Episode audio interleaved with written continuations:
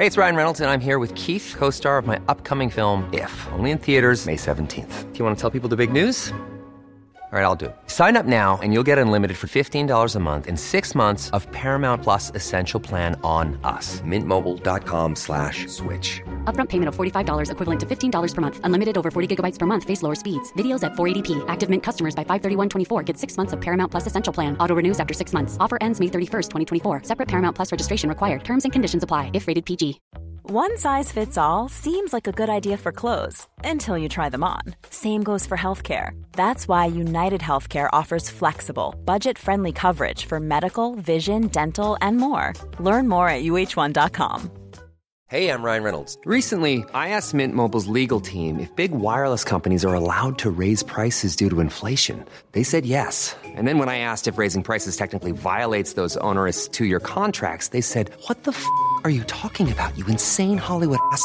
F- So to recap, we're cutting the price of Mint Unlimited from $30 a month to just $15 a month. Give it a try at mintmobile.com slash switch. $45 upfront for three months plus taxes and fees. Promo for new customers for limited time. Unlimited more than 40 gigabytes per month. Slows. Full terms at mintmobile.com. Helt siden de første menneskene slo seg ned i Trøndelag, har det blitt observert underlige lys over Hessdalen.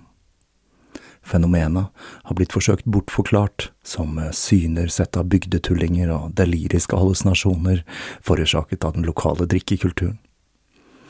Men det skulle vise seg at fenomenet stakk langt dypere, når Hessdalen-fenomenet fikk verdensomspennende oppmerksomhet i ufo-miljøet på 1980-tallet. Fenomenet er fremdeles der, og det er fremdeles like uforklarlig som den gang. I 2024 kommer en podkastserie i seks deler produsert av Project Hessdalen, som kanskje en gang for alle skal finne svar på hva som rører seg på himmelen i denne bortgjemte dalen i Trøndelag. Serien har som seg hør og bør fått tittelen A Blaze in the Northern Sky, og den kommer til din favorittpodkastavspiller i 2024.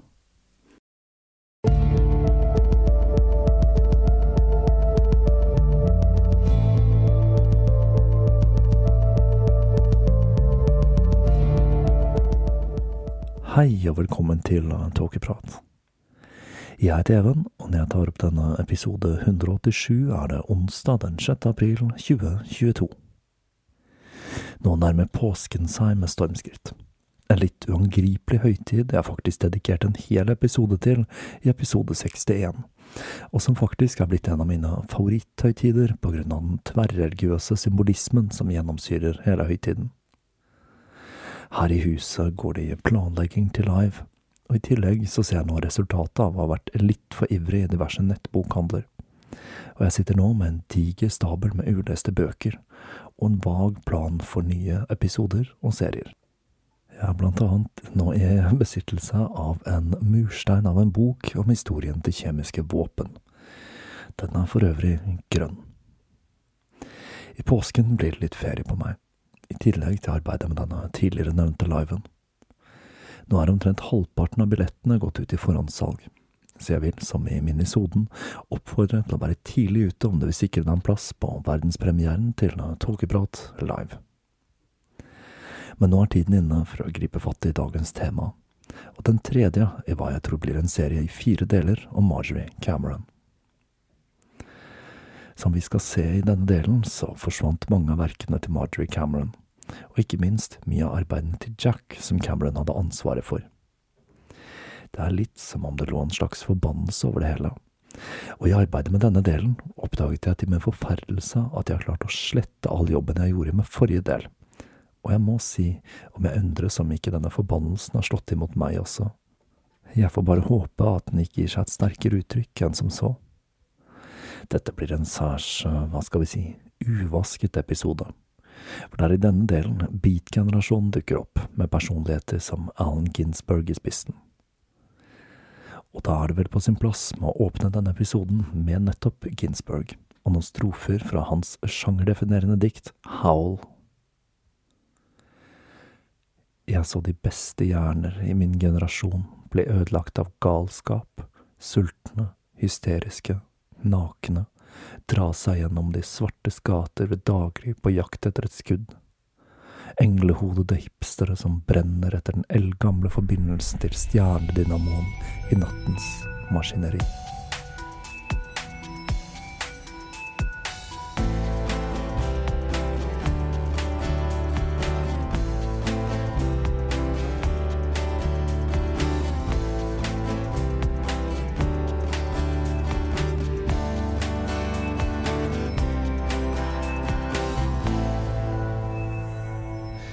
Cameron hadde altså gjort et uslettelig inntrykk på Anger, og han tilbød henne hovedrollen i sitt nye filmprosjekt.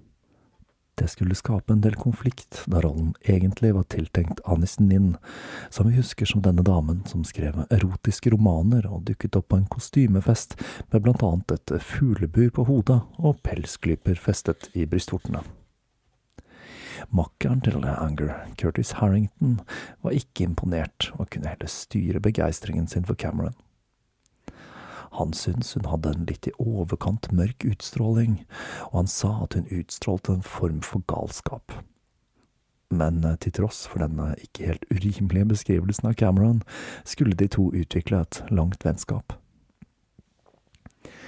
Det var huset til Samson som skulle fungere som en kulisse i denne filmen, som åpner med en scene med Cameron som skarlagenskvinnen. Crowley gjennomsyrer filmen det førte til at mange trodde at dette var et forsøk på å gjenskape en av Crowleys messer. Men alle de små Crowley-referansene i filmen er noe Angel la til i etterkant, da han og Curtis Harrington gjennom Cameron ble kjent med Jane Wolfe. Harrington ble enormt fascinert av denne damen, han var klar over at han hadde vært med Crowley på Cephalo og hadde deltatt i orgier og ritualer sammen med det store udyret, men som nå så ut som hans egen bestemor. Denne filmen, som heter Inauguration of the Pleasure Dome, den ligger tilgjengelig på YouTube for de av dere som er interessert i det. Ett år etter innspillingen dro Anger til London med filmen for å vise den i Museet for samtidskunst. Han beskrev filmen på følgende måte. En hyllest til mesterdyret, klosteret til Telema, kvelden for solnedgangen til krovlianisme. Herreskiva våkner, Madame Satan presenterer mandrakeroten, og en fortryllelse blir kastet. Idolet blir matet, eliksiren til Hekate blir servert av skyggen til en søvngjenger. Pans drikk blir forgiftet av herreskiva. Seremonien blir bivånt av det store udyret Shiva og skarlagenskvinnen. Det oppsummerer vel egentlig filmen ganske greit. Og kynikerne meg vil nok kategorisere dette som en pling-plong-film. Men filmen den høstet god kritikk i London News Chronicle, hvor Paul Dan skrev at filmen utspant seg rundt hovedpersonen som var Crowleys utvalgte etterfølger, Skarlagenskvinnen, som hadde reetablert Crowleys telemiske kloster i Malibu. Det gjorde naturlig nok at nysgjerrige telemitter dukket opp på visningen av filmen, og en av de var Frida Harris. For de som ikke husker hvem det var, så er det damen som brukte ti år av livet sitt på å designe Tott-taroten for Crowley, og hun var ikke imponert over det hun så på lerretet. Hun skjelte ut Anger i foajeen etter forestillingen, og skrek at dette slett ikke var en hyllest til Crowley, men blasfemi, og at han selv ville hånet filmen fra begynnelse til slutt. Anger forsøkte å roe ned Harris, men hun fortsatte å skjelle ham ut før hun rasende gikk sin vei. Men ikke alle tok filmen like ille opp britiske okkultisten Kenneth Grant skrev til Cameron og inviterte henne til sin nyopprettede ISIS-losje. Cameron tok dette som et tegn på at Grant aksepterte henne som den jordiske manifestasjonen av Babylon. Men selv om hun syntes dette var litt spennende, så svarte hun ham ikke, og like etter ble Grant ekskommunisert av Carl Germer på grunn av interne stridigheter i OTO. Men Cameron hun så på ekskommuniseringen som et resultat av at Grant hadde anerkjent henne. Cameron og Grant skulle aldri møtes, men Anger han traff ham noen år senere. I 1955 bodde Cameron på bakrommet i Books 55 på La Cinega Boulevard, en bokhandel som spesialiserte seg på mystisisme, kunst og poesi. Bokhandelen, som hadde blitt en møteplass for bohemer og alskens underlige poeter, ble drevet av Norman Rose, som nylig hadde sluppet ut av fengsel. Han var en svært intelligent mann med en spesiell forkjærlighet for magi. To av de som hang ut i denne bokhandelen, var David Meltzer og Aya. Meltzer han hadde vokst opp i Brooklyn og flyttet til California da moren og faren gikk fra hverandre. Han var kun 17 år, men allerede så var han en dyktig jazzmusiker. Aya hadde rømt fra mannen hun var gift med, for å leve livet sammen med kunstnerkjæresten sin. Faren hadde derfor forsøkt å få henne tvangsinnlagt, men moren hadde kommet til unnsetning og advart henne, slik at hun hadde klart å rømme. Og hun klarte å få skilt seg, og så giftet hun seg med denne kjæresten, Elias Romero, som var lysmann på Renaissance Club på Sunset Strip. Det var også en møteplass for bohemer og kunstnere, og Aya hjalp Rose med å selge bøker der, i tillegg så leste hun dikt og gjorde tarotlesninger. Det var gjennom miljøet der hun møtte Cameron, en kvinne hun beundret, og som hun mente at var på den samme veien som henne selv, men som hadde kommet mye, mye lenger. Rett overfor Books 55 lå The Coronet, som var en kino som blant annet viste Inauguration of the Pleasure Dome, og hvor det også var forelesninger. Cameron var glad i film, så hun så seg plutselig nødt til å tjene en slant for å få råd til kinobilletter. Og for å få til det, så begynte hun å sy klær hun solgte gjennom butikken til en Donald Moran, som også var en del av dette miljøet. Det var gjennom han og Rose hun traff på mannen som skulle bli hennes andre ektemann, Sheridan Abbott Kimmel, som alle kun kalte Sherry. Sherry hadde som Cameron tjenestegjort i krigen. Han hadde klart å snike seg inn i Luftforsvaret i en alder av 15 år, og etter en brutal rekruttskole så ble han sendt til krigen i Stillehavet. Og som vi jo har skjønt etter serien om Enhet 731, så var det forholdsvis harde tak. Han ble truffet av et bombefragment som festet seg i kranen hans, og det var det ikke mulig å operere ut, og det førte til at han ble utsatt for veldige humørsvingninger. I tillegg så hadde krigen gitt ham hva vi i dag kaller for posttraumatisk stress. Og det er kanskje ikke så rart, når han blant annet fikk se en av kameratene få hodet blåst av seg. Alt dette førte til en ganske hard rusbruk, og han var tidvis suicidal, og han brukte en del tid på mentalsykehus. Dette høres jo unektelig ut som en kanskje ikke så altfor sunn match for Cameron, men han var jo kjekk, da, og som vi skal se, så var han opptatt av ufoer. Sherry bodde i ørkenen i Palm Springs, og han fortalte hvordan han ble med flygende tallerkener til Mars og Venus og hadde sex med romvesener. Han skrev poesi, noveller og ikke minst pornografisk science fiction som var dominert av små, grønne damer. Han spiste peyote og hadde et alter ego som dukket opp av og til. Han kalte det, dette alter ego da for Belial eller Bal, alt ettersom. Han drev også med kanalisering, og da spesielt av Horus. Og Horus han pleide å holde ham våken om natta og oppfordre Sherry til å ruse seg. Han var altså veldig opptatt av ufoer, og dette var en lidenskap som hadde tatt av etter Roswell. Han kunne bli borte ukevis når han var på ufo-jakt. Han var kanskje med disse tallerkenene til Mars og Venus, da, tenker jeg. I april 1954 fikk Cameron beskjed av den hellige skytsengelen sin om å klippe håret. Sveisen til Cameron den var nemlig svært tett knyttet opp mot humørsvingningene hennes, og bolleklippen, som fikk henne til å ligne på sitt idol Jeanne d'Arc, markerte begynnelsen på en ny fase i livet. Denne rituelle klippingen er en hun skulle gjøre hver gang livet hennes tok en mørkere vending, som om hun søkte styrke fra Frankrikes skytshelgen. Til å begynne med hadde Cameron og Sherry et av og på-forhold, og de bodde hver for seg. Cameron bodde hos Samson en stund før hun flyttet inn i Roses hytte på fjellet.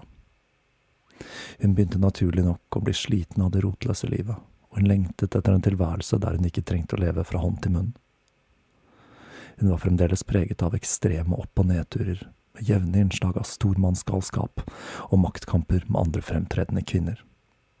Jane Wolfe forsøkte å få henne til å kontrollere følelsene sine, men det var flere som begynte å få svært blandede følelser for Cameron, som blant annet Renate Drux. Og så ble Cameron gravid igjen, og det begynte å se ut til at det skulle gå bra denne gangen. Sherry antok selvsagt at det var han som var faren, men det utsvevende kjærlighetslivet til Cameron gjorde at det var flere aktuelle kandidater, og den heiteste kandidaten til farskapet var Ted Jacobi, som var et av et par muskuløse, blonde italienske eneggede tvillinger som bodde hos Samson på samme tid som Cameron.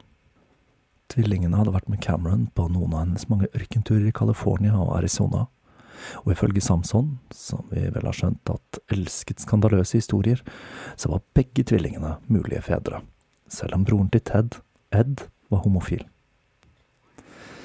Uansett, når Cameron skjønte at hun faktisk kunne få et barn denne gangen, siden svangerskapet så ut til å gå knirkefritt, så dro hun til Mexico en periode for å finne roen før hun vendte høygravid tilbake til LA, hvor hun flyttet inn i en leilighet øst for Hollywood Boulevard, ikke langt fra leiligheten til Jane Wolfe.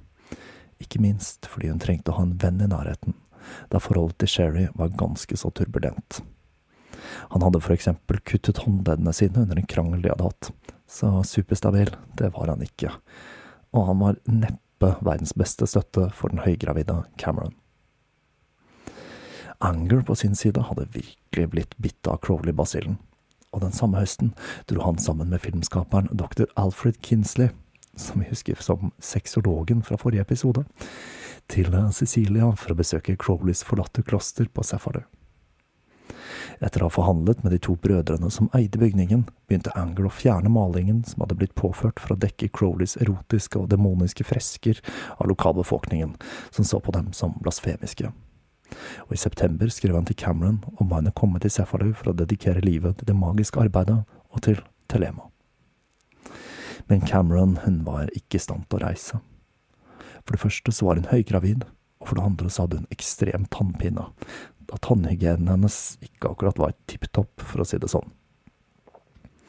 Anger forsøkte også å få hjelp fra Carl Germer og Jane Wolfe, men Jane Wolfe svarte at klosteret på Cefalu for lengst hadde utspilt sin rolle og Angers drøm om å gjenreise Cephalus med telemisk mekka ble lagt i grus.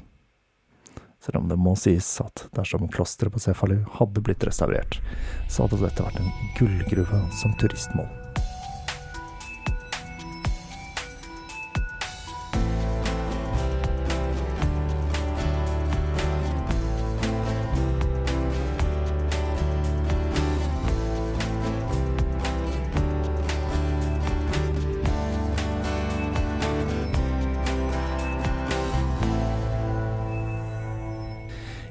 Julaften 1955 fødte Cameron ei jente som hun døpte Crystal Eve Kimmel. I starten var det å ha fått et barn en velsignelse for Cameron, som hadde gått gjennom så mange aborter. Men lykkeboblen slo snart sprekker når hun oppdaget at livet som småbarnsforeldre ikke bare er en dans på roser. Så hun etterlot babyen hos Shirley Burman mens hun selv var borte dagevis av gangen. Berman-familien, som Cameron hadde vært venner med siden tiden med Jack i Pasadena, hadde selv akkurat fått et barn, og de hadde egentlig mer enn nok med å ta seg av det. Men det så ikke ut til å plage Cameron nevnverdig, for hun ble fortalt av broren til Wally Berman at de var redde for at de kunne risikere å fryse i hjel der ute i Beverly Glen om vinteren, malte Cameron et bilde av barnet deres dødt på en kirkegård. Et bilde som ikke falt i smak, og som broren, Moran, ble skremt av og rev i stykker. Det er litt uklart for meg hvorfor de var så redde for å fryse i hjel, men jeg går ut ifra at de hadde dårlig med oppvarming ved huset der, da. Høsten 1956 hadde Cameron sin første kunstutstilling i Brentwood. Men utstillingen, som kunne ha gitt Cameron litt sårt trengt inntekt, endte med katastrofe når bygningen brant ned og en god del av bildene hennes ble ødelagt i brannen. Igjen så var det dette med den forsvunne kunsten. Etter utstillingen dro Cameron og Sherry til Florida for å besøke søsteren til Sherry, Tess, og mannen hennes. Det som egentlig skulle bli en hyggelig tur, endte i krangling. Det startet med at Cameron fortalte at hun ville at Kenneth Anger skulle flytte sammen med dem. Og når hun foreslo at hun kunne dra og møte Anger i Spania, så ble det for mye for Sherry, som rev i stykker passet hennes. Sherry var også ekstremt sjalu på Jack, selv om han var død, og han rev i stykker Jacks magiske dagbok samt Camerons dagbok fra tiden de var sammen, og kastet dem på havet. Jacks magiske arbeid hadde en tendens til å komme på avveie når det var Cameron som var i besittelse av det, og dette begynte å skape en del bekymring i telemiske sirkler. Etter mye om og men gikk Cameron med på å dele noe av innholdet i Jacks berømte svarte boks med Jane Wolfe, inkludert opptak av Jack og Hubbard som hadde Babylon-ritualet. Men det skulle vise seg at de opptakene var så slitt at de var mer eller mindre verdiløse. Når hun kom tilbake til LA, så var hun blakk som vanlig, og hun måtte flytte inn til moren en stund. Noe som gjorde forholdet mellom de to, om mulig, enda mer anstrengt. Så forlot Cameron scenen i LA for en liten stund. Hun tok med seg datteren og flyttet først til et lite hus i El Serrano, før hun dro videre til Highland Park sør for Pasadena, i et område hvor det stort sett bare bodde meksikanere. Det begynte å spre seg rykter om at det hadde flyttet en heks inn i nabolaget, noe som førte til at naboene begynte å gjøre ting som å legge avkappede kattehoder, noe som tydeligvis hjelper mot hekser, foran inngangsdøren hennes. Shirley Burman besøkte henne når hun bodde der, og hun fortalte at dette dreide seg om en ganske trist tilværelse, men hun fortalte også at Cameron hadde et hemmelig rom i huset hvor hun fikk kikke inn. When you're ready to pop the question, the last thing you want to do is second guess the ring. At Bluenile.com, you can design a one of a kind ring with the ease and convenience of shopping online. Choose your diamond and setting. When you find the one, you'll get it delivered right to your door. Go to Bluenile.com and use promo code LISTEN to get $50 off your purchase of $500 or more. That's code LISTEN at Bluenile.com for $50 off your purchase. Bluenile.com code LISTEN. Hey, it's Ryan Reynolds, and I'm here with Keith, co star of my upcoming film, If, only in theaters, May 17th. Do you want to tell people the big news? All right, I'll do it. Sign up now and you'll get unlimited for $15 a month in six months of Paramount Plus Essential Plan on us. Mintmobile.com slash switch. Upfront payment of $45 equivalent to $15 per month. Unlimited over 40 gigabytes per month. Face lower speeds. Videos at 480p. Active Mint customers by 531.24 get six months of Paramount Plus Essential Plan. Auto renews after six months. Offer ends May 31st, 2024. Separate Paramount Plus registration required. Terms and conditions apply if rated PG. Rommet var fullt av magiske gjenstander som dukker, og Shirley fortalte at hun så vidt turte å kikke inn der, for hun nektet nemlig å gå inn, fordi rommet skulle ha en så ekstremt negativ aura. Cameron skulle igjen figurere i en film, når hun spilte i Curtis Harringtons kortfilm Malurtstjernen, som var en hyllest til Cameron selv, og som vi husker er begrepet Cameron brukte om dette månebarnet. Harrington skulle være svært så fornøyd med filmen, og når han uttalte sammen 50 år senere, var han fremdeles veldig fornøyd med resultatet.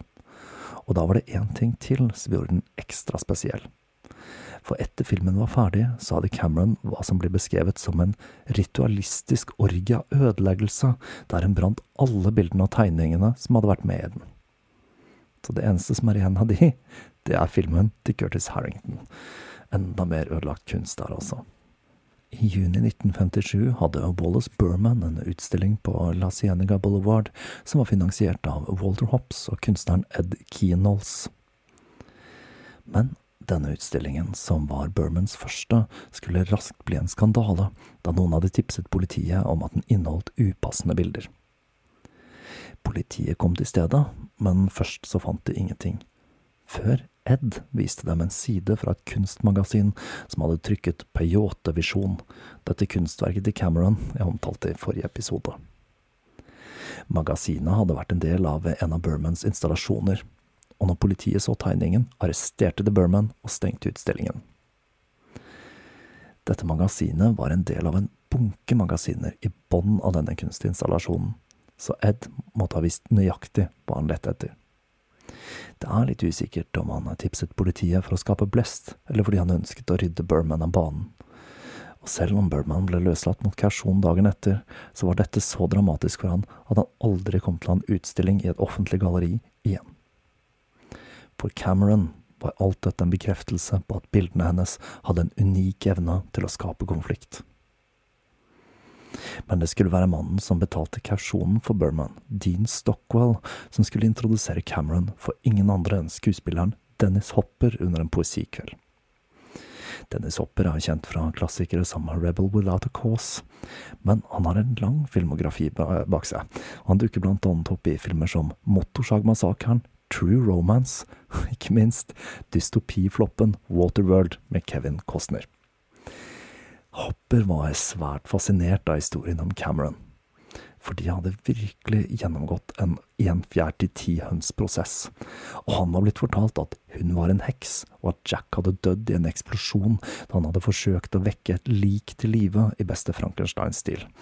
Han ble altså fortalt at begge pleide å ofre katter og drikke blodet deres, og det verserte også en historie om at de hadde hatt en svart messe der en av deltakerne hadde ramla ned trappa og brukket nakken, og liket skulle hatt en kraftig ereksjon, slik at fire kvinner som var til stede, skulle hatt sex med liket før ambulansen kom. Den samme poesikvelden hun møtte Dennis Hopper, leste Alexander Trotsji-dikt. Dette var en mann som var dypt bevandret i diverse rusmidler, og som blant annet hentet inspirasjon fra sitt eget heroinbruk. Og Trotsji han var et tegn på at motkulturen var i ferd med å blomstre, for han representerte en ny kulturell strømning. To år tidligere hadde Allen Ginsberg fremført sitt monumentale dikt Howl i San Francisco, og Ginsberg og vennen hans Jack Kerouac hadde dratt i gang en ny litterær framstilling av samtiden. De beskrev skyggesiden av et sterilt amerikansk etterkrigssamfunn, der man lette etter en ny mening med livet. Kerouac ble en stjerne over natten med sin roman On the Road, og han ble kjent som talspersonen til en hel generasjon. Beatkulturen hadde begynt å spre seg i New York, LA og San Francisco, og Wallace Burman ble en ivrig støttespiller som jevnlig publiserte beatpoesi i magasinet hans Semina. Cameron har mange ganger blitt stemplet som en beatartist selv, men det er usikkert hvordan hun forholdt seg til beatgenerasjonen. Aya sa senere at dette i alt hovedsak dreide seg om en gutteklubb, og at det var få ikoner for kvinnelige poeter og kunstnere på den tiden. Men uansett var dragningen fra beatkulturen så sterk at Cameron, Norman Rose og David Meltzer bestemte seg for å dra til San Francisco vinteren 1957, en by som ble regnet som selve hjertet til beatkulturen. Cameron flyttet inn i en leilighet i North Beach og kjøpte seg en stor mengde med kakemaling fra et militært overskuddslager som hun og Meltzer brukte til å male veggene. Det var vinter, så de måtte ha vinduene lukket, og det førte til at de ble ruset på malingdunstene. Og i malingrus begynte de to å utføre en serie med sexmagiske ritualer. Når de ikke hadde sex, eller ruset seg på maling, så forsøkte Cameron å få endene til å møtes, men allikevel gikk mye av tiden med på å diskutere litteratur og røyke enorme mengder pott sammen med Meltzer i leiligheten med de kakefargede veggene. Så hadde vi jo Crystal midt oppi alt dette også. Cameron hadde siktet seg inn på en fri, og da mener jeg en helt fri barneoppdragelse. Et eksempel var når hun og Meltzer var på en kinarestaurant, og Crystal gikk bananas, men Cameron nektet å gripe inn. Filosofien var at det var sånn hun kom til å lære. Jenta ble rett og slett aldri fortalt hva hun ikke kunne gjøre, og hun ble mer oppdratt som et villdyr enn et barn. Igjen skulle Cameron bli med i en film. Denne gangen til Silverstone Taylor, en pianist som hadde vært med på festene til hun og Jack i Pasadena. Siden den gang hadde Taylor blitt en kjent figur i beatmiljøet, og da hadde han begynt å eksperimentere med film. Dette samarbeidet resulterte i den syv minutter lange kortfilmen Gatemarked i San Francisco, hvor Cameron spiller hovedrollen, og hvor hun viser fram noen av kunstverkene sine.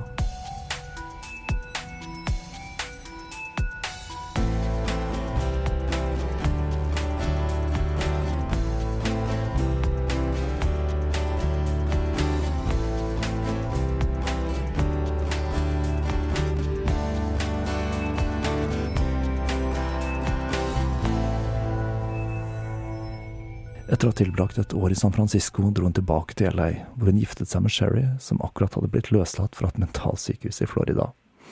Og han kjørte til LA i høy hast for å rekke bryllupet. I forkant av dette bryllupet hadde Cameron sterilisert seg, noe jeg må si at kanskje ikke var den dummeste avgjørelsen, med tanke på at hun akkurat skulle gifte seg med en fyr som mente at han hadde sex med vesener fra Mars og Venus. Og dette ekteskapet var vel, som de fleste kan tenke seg, forholdsvis konfliktfylt, og det ble separert like etter bryllupsreisen. På grunn av dårlig fordøyelse, allergi og ikke minst en munn full av råtne tenner, begynte Cameron å spise mindre og mindre. Hun levde kun på melk, honning og cottage cheese. Det førte til at hun ble tynn og blek, og gjorde om mulig enda mer inntrykk på de som møtte henne, den eteriske, rødhårede heksa som frekventerte beatnik-miljøet. Det var i den nye kaffebarscenen i Hollywood beatmiljøet samlet seg, og den første av disse var The Unicorn Café på Sunset Strip, hvor beatnikene møttes for å lese, spille sjakk, røyke pott og lese poesi. Innen et par år skulle fenomenet eksplodere, og et sekstitalls kaffebarer dukket opp over hele LA. Eieren av The Unicorn Café åpnet også en annen plass, Cosmo Alley, som var mer rettet mot musikk og en av dem som frekventerte scenen der, var ingen ringere enn komikerlegenden Lenny Bruce, som med sin dom for obskjønnitet i 1964 markerte et veiskille i den amerikanske ytringsfrihetsdebatten. Han ble frifunnet etter sin død, i 2003, men med tanke på det politiske klimaet i USA i dag, så er det vel ikke helt utenkelig at han ble dømt på ny. Den ikke helt ukjente skuespilleren James Dean og kompisen hans John Gilmore var også innom huset til Samson. Og gjennom han ble Gilmore kjent med Cameron, som han beskrev som en person med en sterk seksuell karisma, et underlig utseende og en heksepersonlighet. James Dean skulle som kjent dø i en bilulykke, noe som gjorde han til et udødelig Hollywood-ikon. Og John Gilmore sa at han følte litt av den samme fatalismen i Cameron, og han sa at de to hadde flere likhetstrekk. De tok begge store risikoer og var kompromissløse. Selv om John Gilmore skulle treffe på Cameron titt og ofte på orgiene til Hollywood-kjendis kulissdesigneren John Franco, og Cameron ikke la skjul på at hun var tiltrukket av ham, var ikke følelsen gjensidig. Gilmore sa at hun hadde en mørk seksuell energi, og at blikket hennes var som blikket til en katt, og fikk deg til å føle at du ble fortært. Han sa at han følte en underlig blanding av tiltrekning og avsky for henne, og at dersom han hadde hatt sex med henne, så ville det føltes ut som han utnyttet henne. En annen person som var et fast innslag i kaffebarscenen, og som ble kjent med Cameron, var kunstneren Bert Schonberg. Han flyttet fra Boston til LA i 1957, og når han kom dit, hadde han en dyp religiøs opplevelse. I en uke opplevde han et mystisk lys som fraktet ham ut av tid og rom. Dette skulle ha foregått uten bruk av psykoaktive stoffer eller yogiske teknikker. Og det hele høres det unektelig litt ut som den typen religiøse opplevelser som blant annet Hildegard fra Bingen hadde. Når Schoenberg ble kjent med Cameron, ble han raskt opptatt av ufoer, og hun introduserte ham også for Crowley sine verker. I likhet med Cameron så begynte han også å brenne kunsten sin for å vise at han ikke var bundet til jordisk gods. Bert Schonberg begynte også å studere Gurdjieff, som eh, jeg har hatt ham i tåkeprat i episode 76 til 79, Den svarte djevelen. Og med å kombinere Alistair Crowley og Gurdjieff kom han fram til den ultimate formelen for allting, og den var G, parentes, pyramiden til all objektiv bevissthet pluss 777, parentes, Crowleys lov er lik allting. Så der har dere den, selv om jeg kanskje foretrekker Douglas Adams 42. De to fant seg en ranch i ørkenen ved Joshua Park nasjonalpark de døpte Aaron Boo, etter Cam Aaron Burt. og der ute i ørkenen, med den nye kjæresten, begynte Cameron å bli mer stabil etter det turbulente forholdet med Sherry.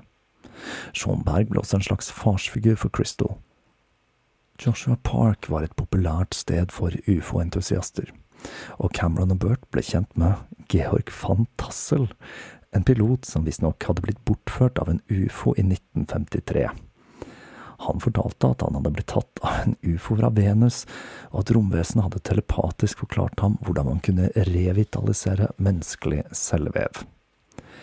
Året etter hadde han begynt å bygge en tolv meter høy dom på et sted han mente var et krysningspunkt for elektromagnetisk stråling, med teknologi han sa han hadde lært av romvesenet, og dette skulle etter hvert bli hovedkvarteret til hans egen ufo-kult. Cameron hadde selv en rekke ufo-observasjoner der ute i ørkenen, og hun begynte å planlegge sitt eget byggeprosjekt. Hun planla å bygge et telemisk tempel som skulle bestå av fem strukturer på stylter som sto ut av en fjellskråning. Og planen var at dette tempelet skulle bli senter i et nytt kunstkollektiv etter modellen til San Miguel de Allende. Ting så i det store og det hele ganske mye lysere ut. Bert fikk flere oppdrag med å male veggmalerier, og han og Cameron fikk oppdraget med å male veggene på The Unicorn Café. Et sikkert tegn på at ting så lysere ut, var at Cameron lot håret vokse ut igjen. 60-tallet kom, og sommeren 1960 skulle Cameron spille i sin første fullengde spillefilm. Det var Curtis Harringtons Night Tide, som var basert på en han hadde skrevet. Dennis Hopper spilte hovedrollen, og Cameron spiller en mystisk kvinne i svart. Filmen, som egentlig ble lansert som en skrekkfilm, faller nok mer i sjangeren film noir. Med 60-tallet kom inntoget til LSD, og Bert Schonberg var en av de som deltok i en studie av effekten til LSD på den kreative prosessen. Det viste seg raskt at LSD hadde et enormt potensial når det gjaldt kreativitet. Men for Bert, som allerede var litt i grenseland, førte eksperimentene til psykotiske episoder.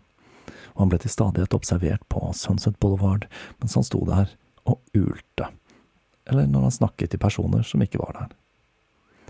Men til tross for at han var blitt litt mer ustabil, så bidro han med kunst til en filmatisering av House of Usher før han dro på en tur til Ibiza, mens Cameron flyttet til Venice Beach, et område som på samme måte som San Francisco hadde utviklet seg til et samlingssted for kunstnere og bohemer. Cameron og Bert hadde skiltes som venner, men så skulle plutselig Sherry dukke opp igjen. Han var suicidal, og når Cameron nektet han å komme i datterens bursdag, som i attpåtil var på julaften, forsøkte han å begå selvmord med den gamle tåkepratklassikeren Barbiturater. Men han overlevde dette, etter å ha blitt pumpet på sykehuset. Men han ga seg ikke med det. Han ble sluppet ut etter åtte timer, og da klatret han opp et hustak for å hoppe. Men han ble stoppet av en politimann, og saken ble plukket opp av avisene, hvor Sherry fortalte reporterne at han hadde forsøkt å ta livet av seg fordi han ble nektet å besøke datteren sin men det finnes også en annen versjon av denne selvmordshistorien.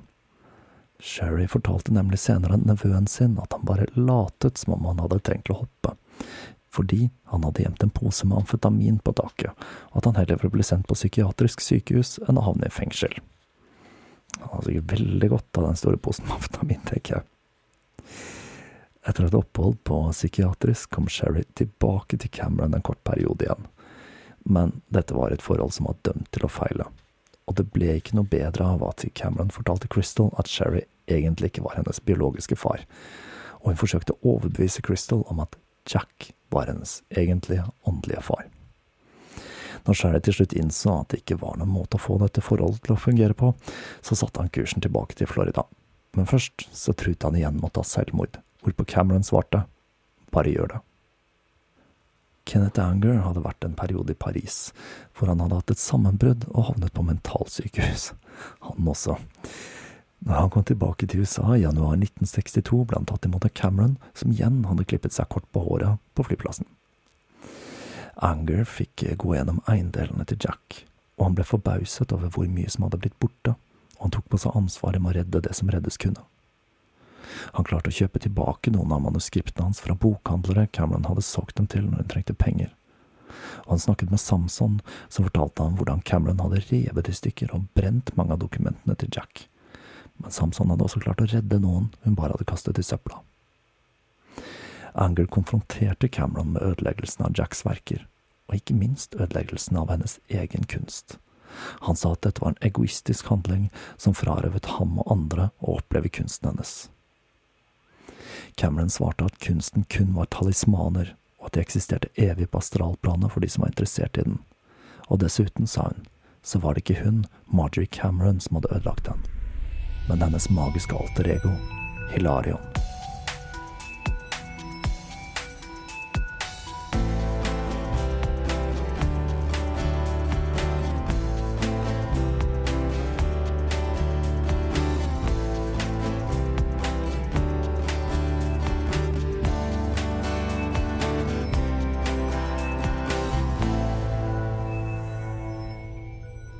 Livet til Marjorie Cameron, det var litt av en suppe, det kan vi vel slå fast.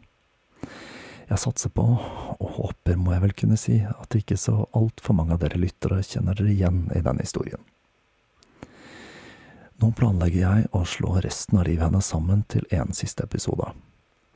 Vi har nå gått gjennom mye av det jeg nok vil regne som den viktigste delen av livet hennes, men dama hun levde jo helt til 1995, så det er fremdeles plenty med materiale å ta av. Siden det blir mye arbeid med livepodkasten i tiden fremover, så håper jeg jeg får ut denne siste delen av denne serien før påske. For det er ikke til å stikke under en stol at det krever en del ekstra arbeid for å gjøre dette til en så bra opplevelse som mulig for dere som tar turen dit, og at mye av podkastarbeidet i april det kommer til å bli dedikert nettopp til å gjøre dette til en særs minneverdig aften. Som vanlig vil jeg takke alle dere patrions. Jeg syns det er litt morsomt at det til stadighet dukker opp patrions i andre land enn Norge, og det får meg til å tenke at Tåkeprat kanskje kunne gjort det bra utenfor Norges landegrenser også. Spesielt i land som forstår norsk, da, vel å merke. Jeg vil også takke alle dere som har donert, dere som har handlet i nettbutikken, og deg som hører på. Avslutningsvis vil jeg oppfordre de av dere som ikke har gjort det, til å lese Alan Ginsbergs dikt Howl. Det ligger ute på nettet i sin helhet. Bare hør her. Hvilken svings av sement og aluminium knuste åpent skallen deres og spiste deres fantasi. Vi høres igjen om ikke lenge.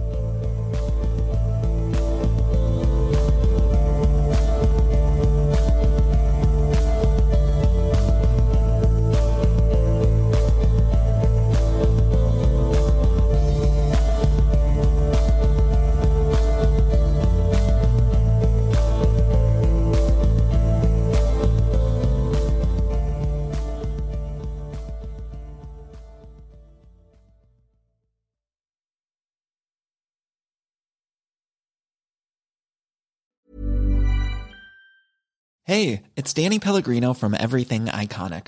Ready to upgrade your style game without blowing your budget? Check out Quince. They've got all the good stuff shirts and polos, activewear, and fine leather goods, all at 50 to 80% less than other high end brands. And the best part? They're all about safe, ethical, and responsible manufacturing. Get that luxury vibe without the luxury price tag. Hit up quince.com slash upgrade for free shipping and 365 day returns on your next order. That's quince.com slash upgrade. Hi, I'm Daniel, founder of Pretty Litter. Cats and cat owners deserve better than any old fashioned litter. That's why I teamed up with scientists and veterinarians to create Pretty Litter. Its innovative crystal formula has superior odor control and weighs up to 80% less than clay litter. Pretty Litter even monitors health by changing colors to help detect early signs of potential illness. It's the world's smartest kitty litter. Go to prettylitter.com and use code ACAST for 20% off your first order and a free cat toy. Terms and conditions apply. See site for details. Even when we're on a budget, we still deserve nice things. Quince is a place to scoop up stunning high end goods for 50 to 80% less than similar brands. They have buttery soft cashmere sweaters starting at $50, luxurious Italian leather bags, and so much more. Plus, Quince only works with factories that use safe, ethical, and responsible manufacturing. Get the high-end goods you'll love without the high price tag with Quince. Go to quince.com slash style for free shipping and 365-day returns.